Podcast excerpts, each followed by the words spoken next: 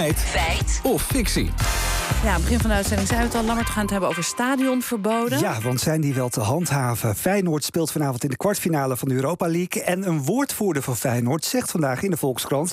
er komen bij elke wedstrijd 46.000 mensen door de poort. Die jongens komen de ene keer bij de ene ingang naar binnen... en bij de andere keer de andere ingang. Ja, dat is bijna niet te handhaven. Dan zou je zeggen, bedenk daar wat op. Ja, nou, dat, dat dacht ik ook. Dus om dat te onderzoeken of dat stadionverbod te handhaven is... belden we allereerst met Jan Brouwer, hoogleraar recht. En we vroegen aan hem hoeveel stadionverboden er het afgelopen seizoen zijn uitgedeeld.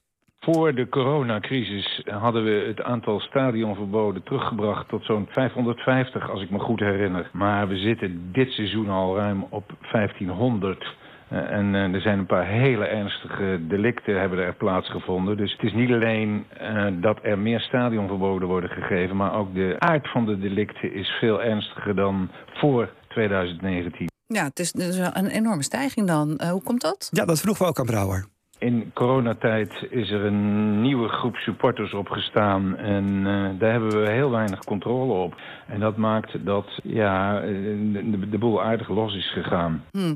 Al die mensen met die stadionverboden, hè, dat is de vraag, blijven die ook echt weg uit het stadion? Nou, volgens Henk Verwerda, criminoloog en directeur bij bureau Beke, die dit soort uh, zaken onderzoeken, zijn er drie verschillende groepen. De meeste mensen die een stadionverbod krijgen, krijgen uh, dat voor relatief uh, lichte vergrijpen. Dan moet je denken aan overtreding van de huisregels of een vernieling. Dat betekent voor de grootste groep dat die ook gewoon niet naar een stadion gaat in de periode dat ze zeg maar uitgesloten zijn. We hebben ook een groep die gaat wel bijvoorbeeld naar het stadion met een stadionverbod, maar houdt zich eigenlijk dan heel erg gedijst. En de derde groep die we hebben, dat zijn eigenlijk mensen die regelmatig een stadionverbod uh, hebben gehad. En dat is een relatief kleine groep. Ja, die kleine groep die blijft naar het stadion gaan en blijft zich ook misdragen.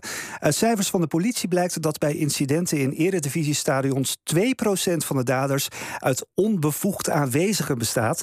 Dat zijn mensen met een stadionverbod of supporters die zonder kaartje naar binnen zijn geglipt. Ja, dan gaat er dus iets niet helemaal goed. Hoe wordt een stadionverbod nu dan gehandhaafd? Ja, stewards moeten er nu bij de ingang voor zorgen dat deze supporters niet binnenkomen. Maar dat is niet zo makkelijk, vertelt gedragswetenschapper en lector openbare orde aan de politieacademie Otto Adang. Als je het per se wil, zijn er natuurlijk toch nog wegen om een stadion uh, binnen te komen. Kijk, je moet herkend worden. Als je niet herkend wordt en je kunt op een andere manier aan een, aan een kaartje komen, dan, dan kun je gewoon het stadion binnenwandelen. Hmm, maar zijn er dan manieren waarop het wel te handhaven is? Ja, volgens Jan Brouwer zijn camera's met gezichtsherkenning een oplossing. Maar ja, dat is dan weer lastig met de privacy. Uh, dat hebben ze om die reden daarom bij ADO Den Haag ook na een tijdje weer afgeschaft. Maar in Engeland hebben ze ook een goed systeem bedacht als jouw club in het buitenland speelt, dan uh, moet je je paspoort inleveren. Dus je komt het eiland niet af. Dus om een actueel voorbeeld te geven, wat heel goed zou helpen om het Feyenoord-geweld in Rome tegen te gaan, zou zijn om die mensen uh, een meldplicht uh, vanavond op te leggen... zodat ze in Rotterdam op het politiebureau moeten zijn... en niet in Rome kunnen zijn.